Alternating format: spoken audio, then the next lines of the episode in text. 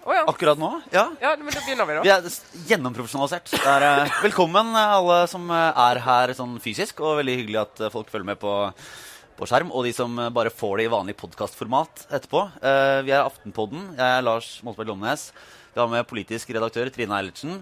God dag. God dag. Pleier å si det. Ja, Har du det fint? ja ja, det går bedre og bedre. Ja. Det er jo den røde tråden i sommerens podkast. Det er jo min Min, din, tilstand. ja, din Ja, Men det høres bra ut nå, syns jeg. Ja, ja. Vi har lagt oss på nivået ditt, vi andre. Sara Sørheim, kulturredaktør. Jeg er blitt veldig syk. Ja. Ja, Arendalsuka. Jeg har fått, eh, Etter Arendalsuka kommer Arendalssjuka. Kjent fenomen. Ja. Ja, det er en slags eh, halsbetennelse påført av eh, litt for lite klær, litt for sene kvelder og veldig veldig mye prating. Ja. Men, eh, men også sympati med Trine, selvfølgelig. Eh, og du, Lars? Uh, frisk som en fisk. Ja, Men vi går inn i den tunge fjerde dagen. Ja, altså det er ingen tvil. Det vi, skal, vi har jo da som konsept i dag Vi skal bare oppsummere litt. Det er egentlig en slags, en slags terapitime. Ja, uh, ja, runder av fire fire dager. Eh, skal snakke litt uh, kort om, om debatten, bare sånn etterdønningene der, og Arbeiderpartikrisa, vi kaller det. Ja. Ja. Litt om meningsmålinger, og så ser vi hva som kommer. ja. For det er, det er dag fire. Arendalsuka er lang. Ja, Den er jo slett ikke over. Altså, det er vår oppsummering fordi den er over for oss, men den fortsetter jo. Det er en av årets lengste uker, vil jeg si. Ja. Nei, altså, den er over for oss. Det er sånn Jeg har pakka bilen. Den står klar. For det er eh, det er- Vi har et sånn hat-elsk-forhold til Arendalsuka. Det den kommer veldig tydelig fram. Og jeg kan forstå alle som måte, hater Arendalsuka. Fordi det er essensen av prateklassen som bare møtes og snakker med hverandre og samles. Samtidig så er det jo helt fantastisk, da. Altså, jeg, jeg, jeg kan også veldig godt forstå at enkelte opplever dette som en helt sånn skravleklassens Øya-festival. Men det er jo min drømme. Altså, jeg kunne ikke tenke meg noe gøyere. Uh, og jeg har prøvd å liksom, tvinge meg selv til å gå på litt andre typer arrangementer enn sånn journalister intervjuer journalister, eller journalister intervjuer PR-rådgivere, eller journalister intervjuer politikere. Som jo er det jeg blir dratt mot. Men, eh, men jeg har faktisk, for å, for å ikke være bare sånn eh, nærsynt, eh, tvunget meg selv til å gå på hvert fall tre eh, debatter om liksom, ordentlige ting Om som handler om verdiskapning ja. i samfunnet vårt. Så jeg syns at Arendalsuka på en måte for, altså, Jeg har gjort det jeg kan for at Arendalsuka skal ja. ta imot meg med åpne Men du har jo angrepet denne uka som en jævla flinkis. Du har jo vært så eh, flittig. Det, er, eh, det har jo faktisk ja, gått på ting. Jeg tror jeg har bare fulgt med en nye journalistiske metode som bare fungerer i Arendalsuka. En veldig Arendalsuke-spesifikk. Eh, som innebærer eh, De som er her, kan man se vi bor i et hus da, som er sånn 200 meter fra denne båten, opp en bakke. Eh, og metoden er da å gå ned den bakken, stå langs eh, pollen, havna her, eh, snakke med de som går forbi, gjøre det en sånn 20 minutters tid, og så bevege seg 50 meter, og så stå der og snakke med de som går forbi. Ja. Og Så har du en sak plutselig. ja, og her fungerer det jo. Ja, men vi har, Det er jo faktisk også helt utrolig nyttig. Og det er, en, det, det er et poeng at når alle som er involvert i valgkampen på en eller annen måte, samles og er her så tett i flere dager, så skyter jo alt fart. Uh, og det blir på en måte en, det blir en, uh, en start på valgkampen for real, fordi vi har tid til å konsentrere oss om dette ja, 100 All vår våkne tid. Alltid på jobb. Eh, også, men det viser seg at det fungerer, og vi får jo en del saker ut av å, å være her. Og masse god bakgrunnsinformasjon. Veldig god bakgrunn. Ja. Ja. Så har det vært veldig, det har vært veldig hyggelig for eh, særlig oss, da, Sara og meg. Fordi um, kan du si, generelt så er jo Trine er liksom uh, stjerna i dette laget, da. Uh, Ja. Og den som måte, kan det meste og kan levere. Og den som folk flest syns er mest stas å møte, hvis de møter oss tre. Uh, men du har jo bare Du har vært syk Og sur. og, sur, uh, og, Og kjedelig. og kjedelig. Ja. Ja. Så jeg har jo egentlig jeg har hatt en god uke. Jeg Ja. har uh, bare holdt meg på rommet og pleiet denne her eh, ja, Jeg har vært ute og gått på dagtid, altså, men på har kveldstid ja. har jo dere tatt mye ansvar. Ja, Veldig mye har, ansvar. du, har du hatt sånne oppdrag for NRK og skulle kommentere ting sånn sent på Det er så kvelden og tidlig om morgenen? Og, tidspunkt. Ja. Det, skal, det er egentlig veldig urutt. Ja. Og det jeg snakket med en i NRK som hørte at jeg hadde sagt ja til å kommentere på Politisk kvarter dagen etter eh, Partilederdebatten. Og det er jo de som er invitert, som sier Herregud, vet du ikke bedre? Nå er det jo ingen som sier ja til det. det, det var den tiende personen de spurte. Trine Eilertsen, du er vår favoritt. Kan ikke du komme? Nemlig. Ja. Vi må jo da, Før vi går videre til eh, det som er liksom ukas viktigste saker, så må vi også bare fortelle litt. Altså, vi må takke alle dere som hører på, som har kommet bort til oss i løpet av uka og prata. Eh, og høydepunktet Nå mister jeg Jeg håper vi varer en halvtime cirka, den stemmen der. Høydepunktet for Lars og meg var selvfølgelig hagefesten til Norsk olje og gass. Sånn, Eh, hvor- skal, vi, skal vi la oss korrumpere? Skal vi gjøre det skikkelig? Men hvor Trine var invitert som den eneste av oss, eh, og så bedt om å sitte i panelet. Hadde ikke engang svart på invitasjonen. Nei, nei Men jeg og Lars fikk komme isteden. Eh, ikke så verdifull tid for Eller jeg tenker det er sikkert noen andre folk som Norsk olje og gass hadde fått mer igjen for å eh, smøre. Men vi tok hjertelig Vi tok imot med åpne armer og hadde kjempemorsom hagefest. Mm. Og fikk liksom stå litt sånn være Trines eh, stand-in. Bortsett fra at du igjen var eh, flinkis. eh, Ja, jeg gikk på foredrag om ø- olje- og gassnæringen, men det skyldes egentlig at jeg hadde gått på en kulturdebatt rett før den festen. Eh, og jeg fikk bare veldig behov for å snakke om noe sånn reell verdiskapning etter eh, en og en halv time med ikke at jeg sier det, eh, totalt ufokusert samtale om norsk kultur og norske verdier som ikke tok oss noe sted. Så det var en sånn Kahoot-quiz om norsk oljenæring. Ja, Det kjentes godt der og da. Men, ja, nei, jeg, jeg droppa det. Jeg valgte heller å stå opp med klassiske eh, politikere og rådgivere og sånne folk. I mingleteltet. Mingleteltet. Ja. Eh, lanserte det som har vært eh, ukas eh, lille prosjekt. Å klassifisere norske partiledere og egentlig alle mennesker inn i eh, planteetere og kjøttetere. Det er veldig gøy. Så det er, eh, Så det har vi gjort mye, kan Ja, vi avsløre. så sett om det går an å ha en intuitiv sånn eh, Et system som, som gjør at det fungerer. Så jeg kan bare oppfordre Men nå tror jeg vi må snakke litt, eh, nå må vi snakke litt om jobben vår. Så det ikke det blir altfor tydelig at vi egentlig bare oppsummerer sånn Så gikk vi og snakka med den, så, så, Så, stakk ja. vi og tok en øl på Reiersen. Så vi har jobba litt, da. Ja. Ja. Uh, først med partilederdebatten. Det, er jo, det har jo nå gått noen dager. Ja. Det satt seg. Jeg møtte jo Knut Arild Hareide.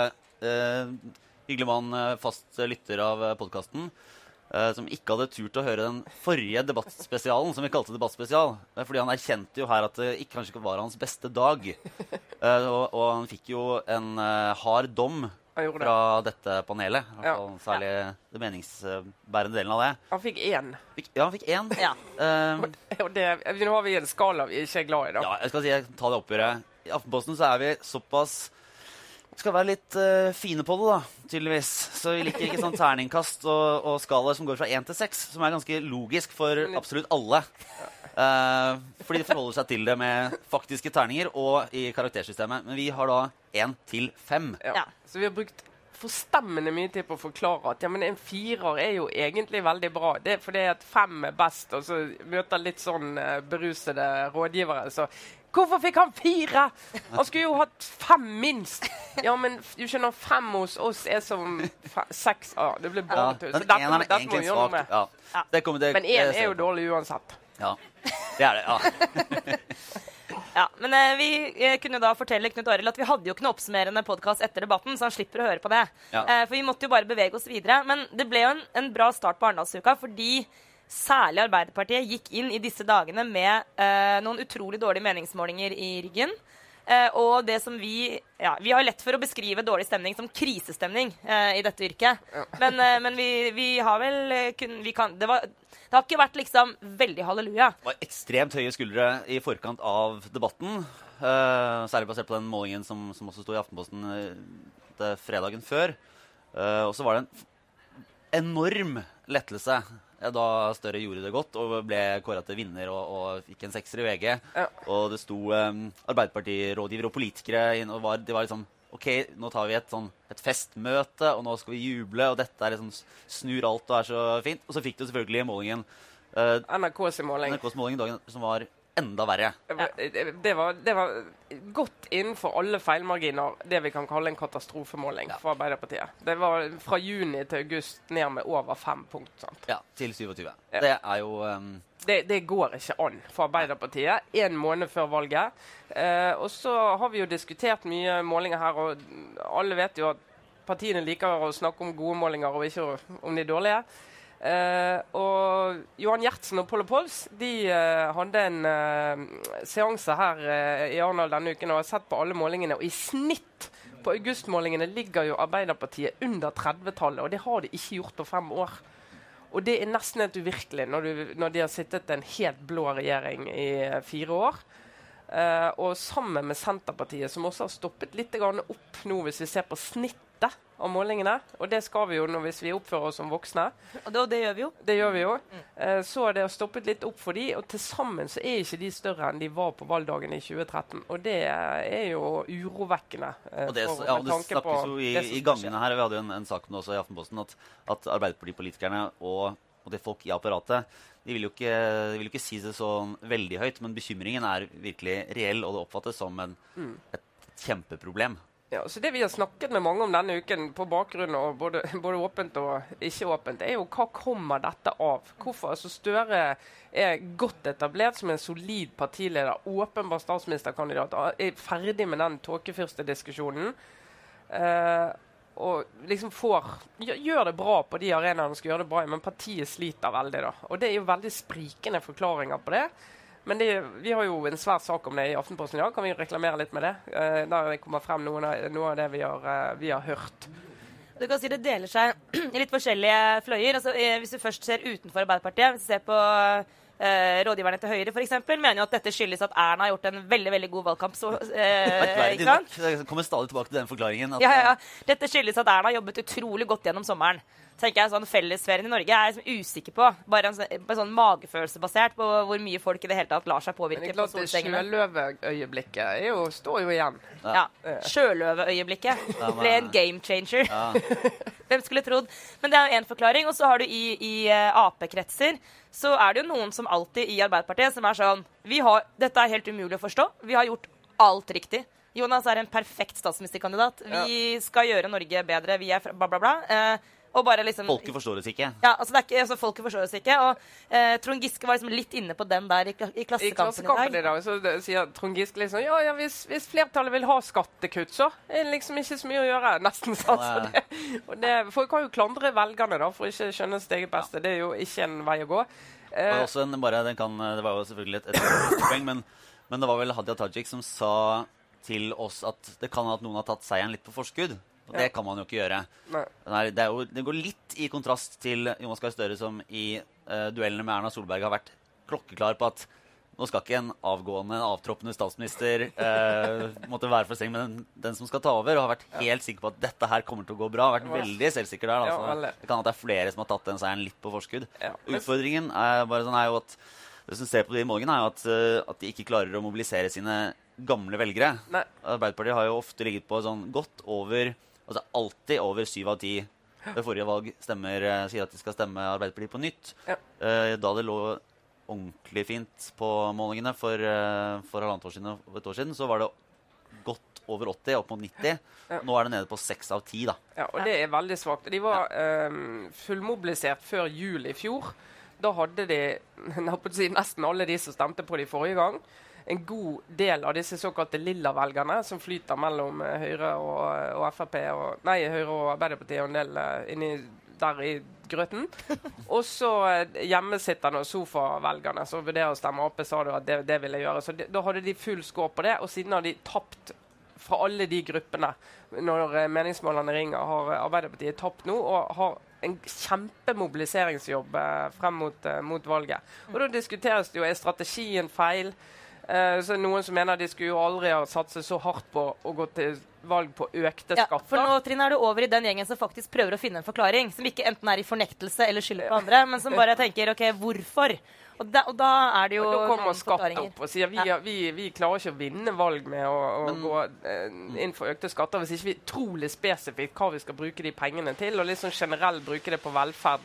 Det blir for utydelig for en del folk. Men det er jo litt eh, Nå har vi hørt den kritikken, men det er jo litt lett å si det kanskje som om Arbeiderpartiet har gått til valg sånn Vår store Sak. valgkampsak er at vi skal øke skattene.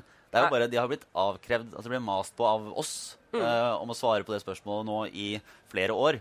Fire så det Fire år. Ja, og så på et eller annet tidspunkt så må de kanskje svare, da. Ja.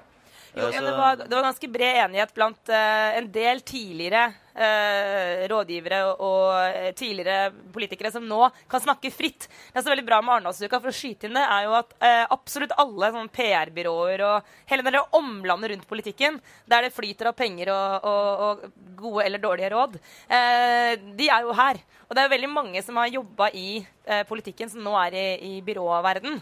Eh, og de har jo utrolig altså For oss er de fantastisk bra å snakke med, fordi de vet alt. Eh, ikke akkurat nå, men de sitter på utrolig mye kunnskap om hvordan ting har vært tidligere. Og nå kan jo de snakke mer eller mindre fritt. Og mange av dem liker jo det veldig godt etter at flere år liksom gått sånn noen hakk bak eh, statsråden sin, eller hvem det er de har jobbet for. Ja. Um, og, og det jeg syns har vært veldig sånn en gjennomgangstone blant folk som har lett etter forklaringer, er nettopp det at for det første så har det aldri vært en god sak for noen og det er vanskelig å gå inn i en valgkamp og, og forsvare eh, økte skatter. I alle fall hvis ikke du har en veldig veldig god sak. Eh, altså en veldig god eh, strategi for hva du skal bruke de pengene til. Så at det blir veldig åpenbart for folk hvorfor det nivået må opp.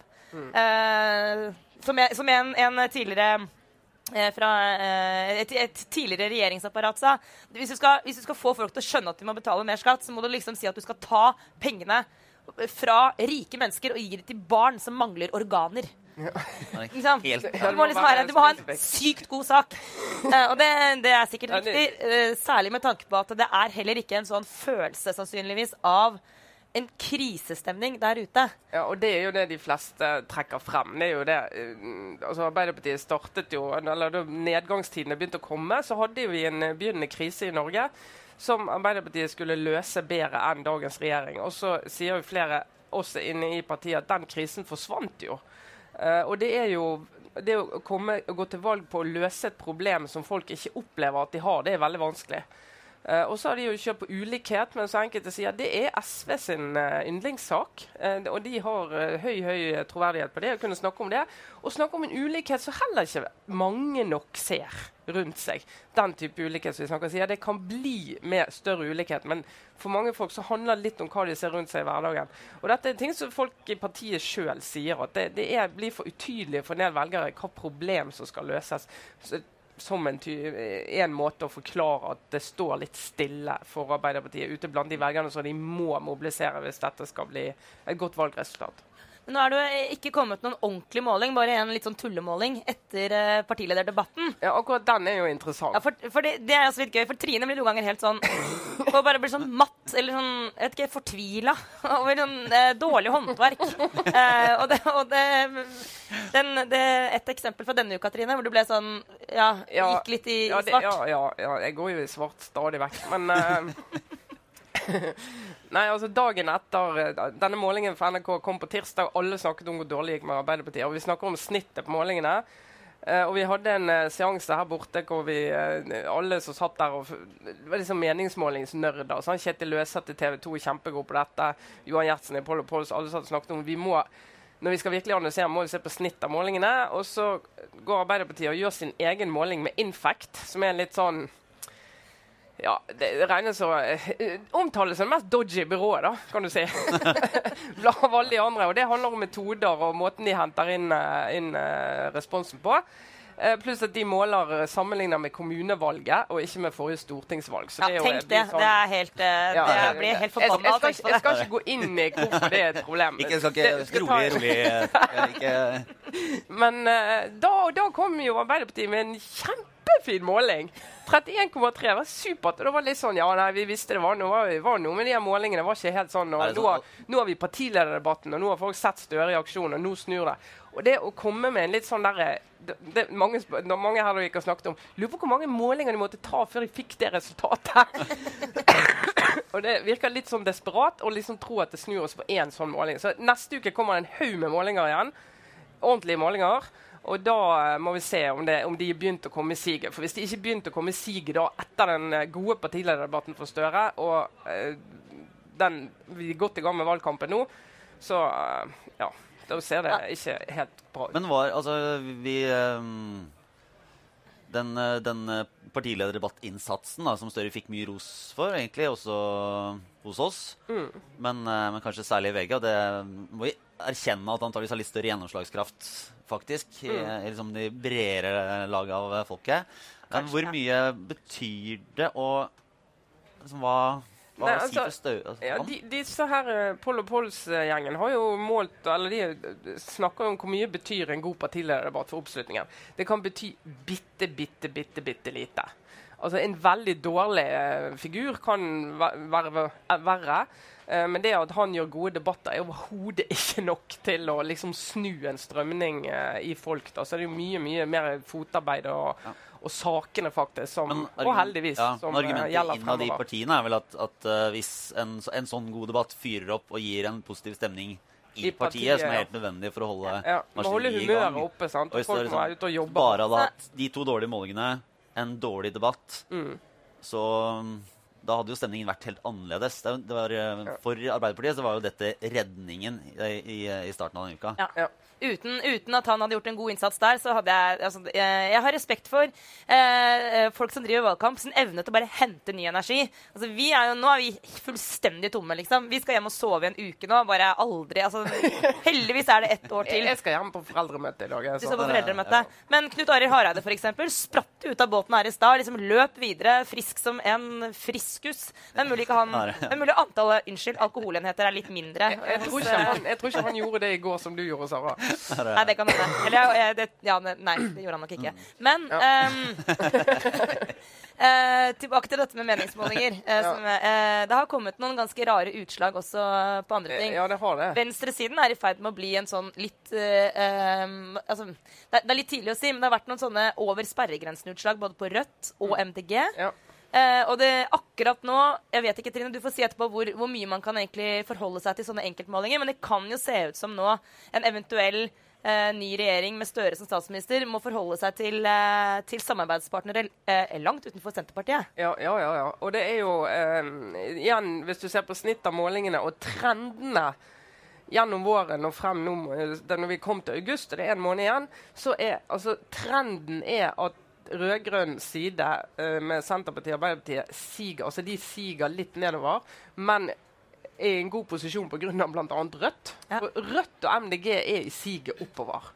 Og blå, blå, eller blå eh, borgerlig side, om du vil, eh, Nydalen-partiene, som Gjertsen kaller de, er faktisk litt i siget oppover. Hvis du ser liksom på snittet av målingene. Så det, det blir utrolig close, sånn som det ser ut nå. Veldig close. Vi kan liksom, hvis vi skulle lage Stortinget i dag, så er det sånn én. Ja, men Det betyr at valgdeltakelsen kan bli veldig avgjørende. Altså, det kan Ja, være få mobilisering, mobilisering er greien. Sant? Så Vi kan liksom snakke om partilederdebatter og alt så mye vi vil, men nå, nå er det ut. Snakke med folk, få de til å løfte ræven opp av sofaen og gå og stemme. Altså.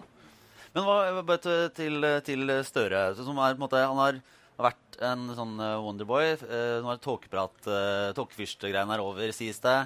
Altså, hva Funker det for han? For det, det er mye, det er, er mye Altså, skepsis altså, man går og hører rundt. han- Overraskende mye, egentlig. Ja, ja, det er jo litt Men det, sånn er det jo alltid når det er et eller annet problem i et parti. Så blir vi blåst opp både på utsiden og innsiden. Sant? Og når det går bra i et parti, så er det ingen problemer. Og det er Eh, og det er klart, altså, Jeg syns Støre er blitt helt fenomenalt mye bedre enn han var. Altså Virkelig sånn utrolig mye tydeligere og utrolig mye dyktigere debattant. Og des- Dersom Arbeiderpartiets leder må være. Du kan jo ikke ha en diskusjon om hvorvidt lederen i Norges største parti er, er skikket til å være leder av partiet. Det går jo ikke an. Så heldigvis, det er vi ferdig med. men eh, men eh, om, hvis, hvis, hvis liksom ikke greier og Han sa jo nå til oss i dag at vi er nødt til å være enda skarpere og enda tydeligere i valgkampen nå. Vi kan ikke skylde på velgerne. Det er opp til oss å forklare de hvorfor det er viktig med et skifte nå. og Det har vi ikke klart godt nok. Eh, Så må, jo, så må jo han bli en enda krassere type. Han fikk litt kritikk på mandag pga. litt sånn avbrytelser og den type ting. Men han må jo bare virkelig skru til enda mer hvis han skal være eh, enda tydeligere enn han er. Men det er vanskelig å være Det er vanskelig, det er vanskelig for han å være tydelig også fordi eh, all, veldig mange andre har enkeltsaker de eier. Eller enkeltsaker de, de, de kjemper for. En, en eh, tidligere Ap-politiker vi snakket med på, eh, på vei til olje- og gassfest, eh, var inne på noe som jeg tror er veldig veldig eh, vesentlig, og som gjør det til en utfordring for Arbeiderpartiet. Og det er at med de budsjettene vi har, og med det oljesmurte den oljesmurte økonomien. Det er, det er rett og slett såpass mange enkeltsaker som det er mulig å få gjennom, fordi det er på en måte penger til alle, at det å være det ansvarlige styringspartiet, altså det, er en, det er en vanskelig posisjon. Eh, i, og politikken og kampene blir litt sånn slapp. Fordi det ikke er så mye som står på spill. Eh, og nå skal vi ikke ønske seg, Ingen politikere ønsker seg jo en, en krise. Men det er klart at eh, en game changer nå for Arbeiderpartiet ville jo vært liksom en eller annen altså, Nå har Lehman Brothers gått konkurs allerede. Men, eh, men liksom en eller annen sånn altså, Det blir spennende om det kommer noe Jeg vet ikke hva det skulle være, Trine, Ja. men bare, nå er det helt sånn Det er Ja, Det er vanskelig å se for seg. Det er flatt. Ja, og de det er argumenterer for at man må ha et skifte i Norge. Ja. Uh, at det, at liksom, det ansvarlige nå er å velge en ny regjering. Og så er det jo Vanskelig. Ja, og det var òg en eh, jeg snakket med i går i, i Arbeiderpartiet, som sier at det er klart at altså for SV eller et, alle de partiene som opererer under 10% de kan på en måte gå i valgkamp, og så kan de skjelle ut 90% av befolkningen Ja. og, og velgerne. De gjør ingenting, og alt de holder på med omtrent. Fordi at de, skal, de må bare sikre seg sin lille gruppe. Men Arbeiderpartiet og Høyre de kan ikke det. Altså, de er nødt til å på en måte balansere hele tiden, for de snakker til så mange. Så de, de skal, må være tydelige, men ikke for ikke for tydelig, om du vil. Og det, Derfor så kan ikke Med en gang noen av de begynner å snakke om at eh, Nei, nå går det helt i, til helvete med Norge. Så, så blir det sånn Seriously, mener du det? De gjør jo ikke det. Eh, så de kan ikke det, men de små partiene kan si det. Nei, nå, nå, går, nå, går, nå går vi under. Nå er vi snart borte. Nå er det, ingen verdier igjen. Folk er gal. Det, det litt sånn. Men de må være mye mer eh, balanserte, da. Men jeg synes det var, Hvis jeg nå kan snikskryte litt av jeg ikke, hva, noe jeg gjorde i går for å utvide mine horisonter og få ny kunnskap og rett og slett bare lære litt om verden, så var jeg på et eh, veldig bra arrangement om den tyske valgkampen. Det er jo valg i Tyskland nå parallelt med, med her, og det er jo en fin måte, en mulighet til å sammenligne litt ulik kultur og ulike typer valgkamp. Eh, og den eh, samtalen i går, det var, en, det var en samtale, ikke en debatt. Men det var eh, et panel bestående av folk som følger den tyske valgkampen tett. Eh, og Sten Inge Jørgensen, som er journalist og forfatter, ble, ble bl.a. utfordra på hva er forskjellen på den norske valgkampen og de sakene som dominerer eh, diskusjonene her, og den tyske. Og da, eh, jeg, vet jo at han er en eh, veldig entusiastisk EU-tilhenger og er veldig opptatt av det europeiske prosjektet, så det skinner nok litt igjennom. Men det var interessant at han pekte på at i Norge så er det små saker, og det er særinteresser som preger mye av, av valgkampen. Og vi diskuterer f.eks. ulv. sant? Mens den tyske valgkampen, der er altså alle partier og alle velgere, det er, en, det er helt uuttalt, men alle forstår at Tysklands valg er liksom et valg for Europa. Det er, veldig, det er en valgkamp hvor du ser utover fra Tyskland, og Tysklands rolle i verden er et tema. Mens hans analyse litt fritt etter hukommelsen, var at i Norge så står vi litt mer med ryggen mot verden og, og, og holder på med diskusjoner som egentlig er helt komplett irrelevante for alle våre naboland, f.eks., eller egentlig hvem som helst. Men om du ikke er opptatt av norske verdier? Er Eh, norske verdier. Er. Brunosten. brunosten, Hva skal skjer med brunosten? Men jeg, jeg kjenner nå en liten sånn For meg, men dette skinner jo selvfølgelig gjennom også at jeg er opptatt av eh, EU og syns at eh, hel, altså jeg, jeg skulle ønske meg at man hadde et uh, mye større utsyn fra Norge, og at Norge i mye større grad var en del av det europeiske fellesskapet. Så dere får ta det med en klype salt, men jeg syns denne valgkampen er uh, uh, litt Det er litt smått. Og jeg skulle ønske meg at man jeg bare, Kan vi snakke om noe annet enn brunost og ulv? Eh, please. fra kulturredaktøren i Aftenposten? Takk.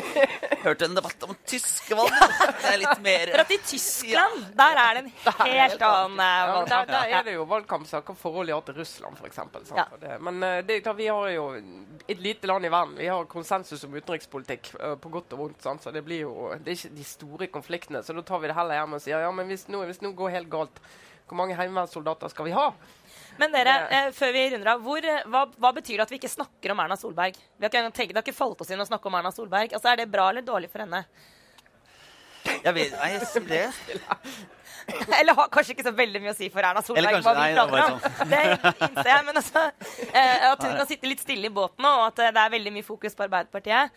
Eh, at hun kan kanskje bare beholde den litt sånn statskvinneroen. Som, Ja, det, ja. det er i hvert fall en fordel for hun at denne uken handler om problemene til Arbeiderpartiet. Det er jo en fordel, så det må jo Arbeiderpartiet få et annet fokus på ganske raskt. Og så får vi, får vi jo eh, men, ja, det, men det er jo forbausende, egentlig, eh, hvor stabile Høyre har vært hele veien, og også nå på målingene. De ligger liksom veldig sånn i ro. Det skjer mye rundt eh, Høyre, men ikke mye rundt altså i av, eh, partiet til Erna og med Erna Solberg sjøl. De har vel eh, egentlig det, Kanskje de bare er ute i landet og driver valgkamp, mens vi sitter her og prater med folk vi kjenner i, i Arendal. Erna var i Bergen i går, i hvert fall. Ja. Men eh, du tok jo egentlig, Vi har jo da den spalten uh, obligatorisk refleksjon, som, uh, som var egentlig din uh, obligatoriske refleksjon, denne tyske valgkampen. da, for å ja, prøver å gjøre veldig mye ut av den. den. Flinkis-imaget ditt. Eh, hadde du en obligatorisk refleksjon? Nei, jeg har ikke det. Men jeg kan ta, jeg har prøvd å bli Jeg har en, jeg, da. Men det var Kan jeg få sånn. si en først? si det. Ja. Fordi eh, I Trines fravær så har jeg prøvd å liksom, tenke sånn What would Trine do her i Arendal? For å prøve at liksom, vi i Aftenposten skal ikke bare gå på sånn eh, Hva skjer med mediene-debatter, som jeg egentlig bare er interessert i, men sånn Hva skjer med samfunnet? Så i går eh, Og jeg tror at Trine ble Apropos smått, Sara. Apropos sånt. Men jeg tror Trine ble skikkelig glad. Jeg håper, det var for min gave til Trine når jeg sa at nå skal jeg gå på en debatt om sykelønnsordningen. Ja. Eh, og det gjorde jeg, og den var også veldig interessant, for det var da presentert som debatten om den store saken vi burde snakke om, men som ingen, snak ingen snakker om. Uh, og, og det um, Da satt jeg veldig sånn Enlighten me, please. Uh, og endte søk opp med å være helt enig med Virke som, og Vibeke Hammer Madsen, som holdt et foredrag om at vi må snakke om sykeløsordningen mm. og det ekstremt høye sykefraværet i Norge. Men det var påfallende at ingen eller ikke påfallende, fordi det er ikke et tema. Eh, så det var ingen voksenpolitikere som var der og ville liksom diskutere det i det hele tatt. Men ungdomspartipolitikerne stilte og hadde en uhyre interessant diskusjon om sykelønnsordningen. Og jeg må bare si at de ungdoms, altså Noen av de ungdomspolitikerne nå er sykt flinke. Altså, helt vilt flinke. Eh, og jeg, bare begynte, jeg hadde en venninne der som vi var litt i, eh, engasjert i politikken da vi var 18-20. Og bare ble sånn Herregud, vi var så dårlige, liksom. Altså, vi, hadde, vi hadde ikke hørt om sykelønnsordningen. men vi- Altså, bare, jeg ble bare litt sånn Vi kan sitte her og slarve om politikk, men bare vent i fem år, så kommer det folk som bare Vi blir vasket ut av liksom. De er så gode. Ja, Ja. de, de er Så vi får nyte dette mens vi kan. Så det var en annen opplevelse. Jo, I morgen er det ungdomspartilederdebatt her i Arendal. Uh, I uh, Side-regi, Side Aftenposten-regi. Så da kan dere få nyte denne upcoming generasjonen med veldig veldig flinke folk. Jeg, tenker, at jeg bare har eh, en uh, Jeg har bare oppdaget noe, da. For jeg var, jeg var jo fire dager på Øya i forrige uke, og så fire dager her nå. En Det er bra jobba, Lars. tøffe Du må jo avspasere frem til jul. du. Det er, eh, det er ikke bra, eh, men kjempegøy. da. Og så har jeg funnet ut at jeg har blitt, et mye, jeg rausere menneske i eh, liksom voksen alder. Ja. Så nå er, jeg sånn, nå er jeg glad i sånne Øya-hipstere, og så er jeg glad i sånne pratefolk i Arendalsuka. Da tenker Ja. jeg at det er fint. altså Bare vær sånne På Øya så er det helt galskap hva folk eh, kler seg i, og de holder på og er superrare. Men det er sånn ja, men det er, det er bra. Bare vær, gjør en innsats, byd litt på. Og så En ekte liberaler, eh, liberaleren i deg. Så, ja, Før så var det sånn full av forakt for de folka. Ja, forakt. så- Ja, så, så bare, ikke prøv, ikke prøv å være, liksom, vær noe. Nå er det sånn derre Jo, Nei, det er bra. kom, Ja, ja. vis deg frem. Og så kommer her sånn derre ja, ja, som er opptatt av å bli hørt og prate på og ha masse meninger. At det er gøy. Så det, Ja. Ja, og, og bare også så det er sagt, I dag tvang jeg Lars å ta en liten runde her på, eh, eh, gjennom alle bodene.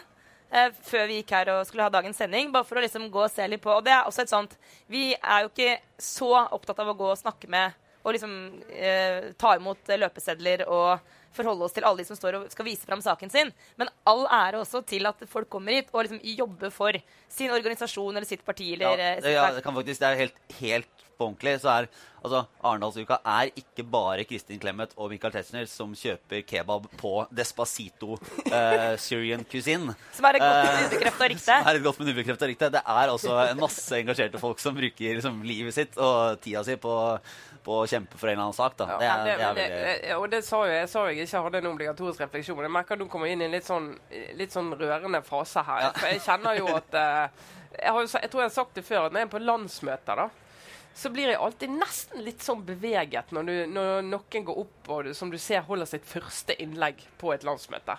Politisk landsmøte i Norge. Det blir jeg alltid litt beveget av. For det, det er den eh, måten systemet fungerer på. Den måten folk blir rekruttert til politikk på. Og utvikler seg og står der, legger frem saken sin, håper at partilederen hører det, håper at det kommer inn i et program. Og så her òg. Vanlige folk som holder på med ordentlige ting og vanlige jobber, bruker av ferien sin, av fritiden sin, til å gå rundt her og prøve å få folk med seg på sin sak og sitt tema. Og det er jo det, er det vakre med valgkamp. Det er det også nydelige med valgkamp. Så når vi alltid blir litt sånn irritert, oppgitt og liksom spill og avbrytelser av TV, man må tenke på det. Vi tenke på det, Og så må vi bli varm i hjertet og kanskje litt beveget. Åh. Ja, nå kommer vi ut herfra som bedre mennesker. Ja. Der! der.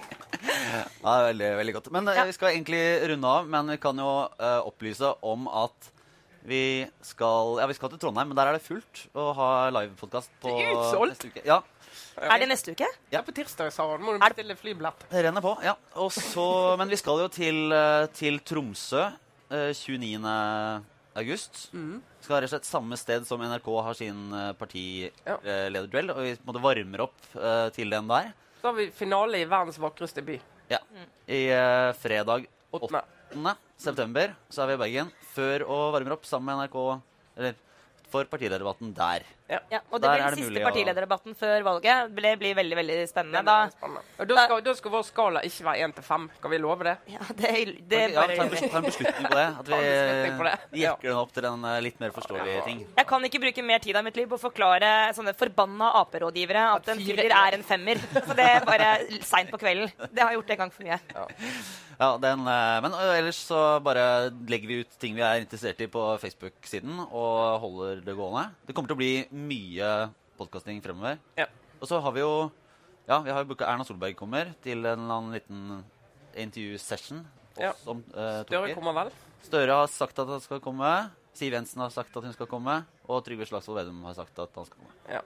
Så det blir mye action framover. Ja. Men da eh, takker vi egentlig for oss, og for de som eh, valgte å være her og har fulgt med. Tusen takk for at dere kom. Veldig hyggelig. Beklager stemmen. Nettopp. Eh, vi er tilbake med vanlig podkast også neste uke. Ja. Så takk, Trine Eilertsen, for at du er her, og for at du legger ned innsatsen tross sykdom og eh, dårlig humør. Ja. Er blitt Og, blid nå, og, at, og at det er så kjedelig. Ja. og Sara Sørheim, jeg og Lars Glommes, eh, takk for eh, at eh, folk har fulgt med og vært her. Ja. Takk. Hopper vi i bilen? Det gjør vi.